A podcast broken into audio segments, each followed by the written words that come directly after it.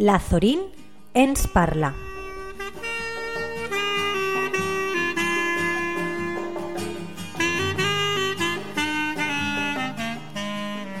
Doncs el festival eh, va, va sorgir de la idea de la mestra de sisè de que no pergueren aquesta oportunitat i va muntar els balls per a totes les classes, ja que ella treballa en un gimnàs, el gimnàs Espadas, i,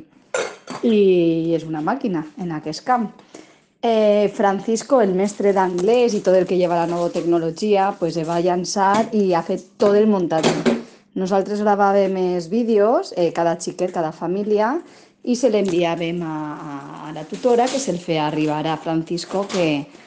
que ha fet eh, el muntatge. I en seguit eh, els de sisè van decidir que volien fer eh, el, eh, sèries de la teua vida, no? sèries que hi ha en la televisió, i, i van fer aquesta, a, van fer ells el, el guió, la presentació de cada ball, mmm, i bueno, sí van tindre moltes sorpreses al final perquè els alumnes de sisè amb la mestra de castellà Reme eh, havien fet uns himnes per al col·le per acomiadar-se d'ell on parlaven de les seues eh, històries viscudes en el col·le i, i va ser el final, quan ja creien que estava acabat perquè van ballar tots els alumnes i com no també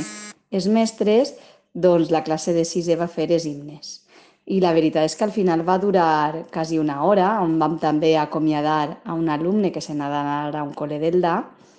i va ser molt, molt emotiu. La sensació és que sí, que, que vam viure un festival. Després van haver els mateixos comentaris i el mateix feedback va ser de manera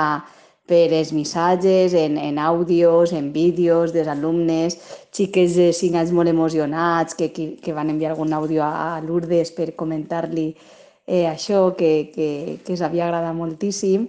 i al final se'ns ha quedat, bueno, si és un buit perquè els alumnes de sisè és el seu festival, i, però almenys han tingut, han pogut viure-ho i saber que estàvem connectats, vam ser més de 172 famílies que estaven connectades a ir veient el festival. Inclús iaies han anat a casa de, de, de seus nets a veure el festival, en,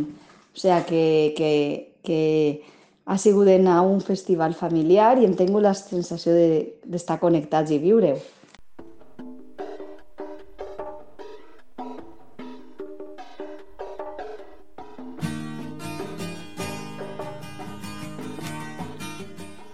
La Zorín ens parla.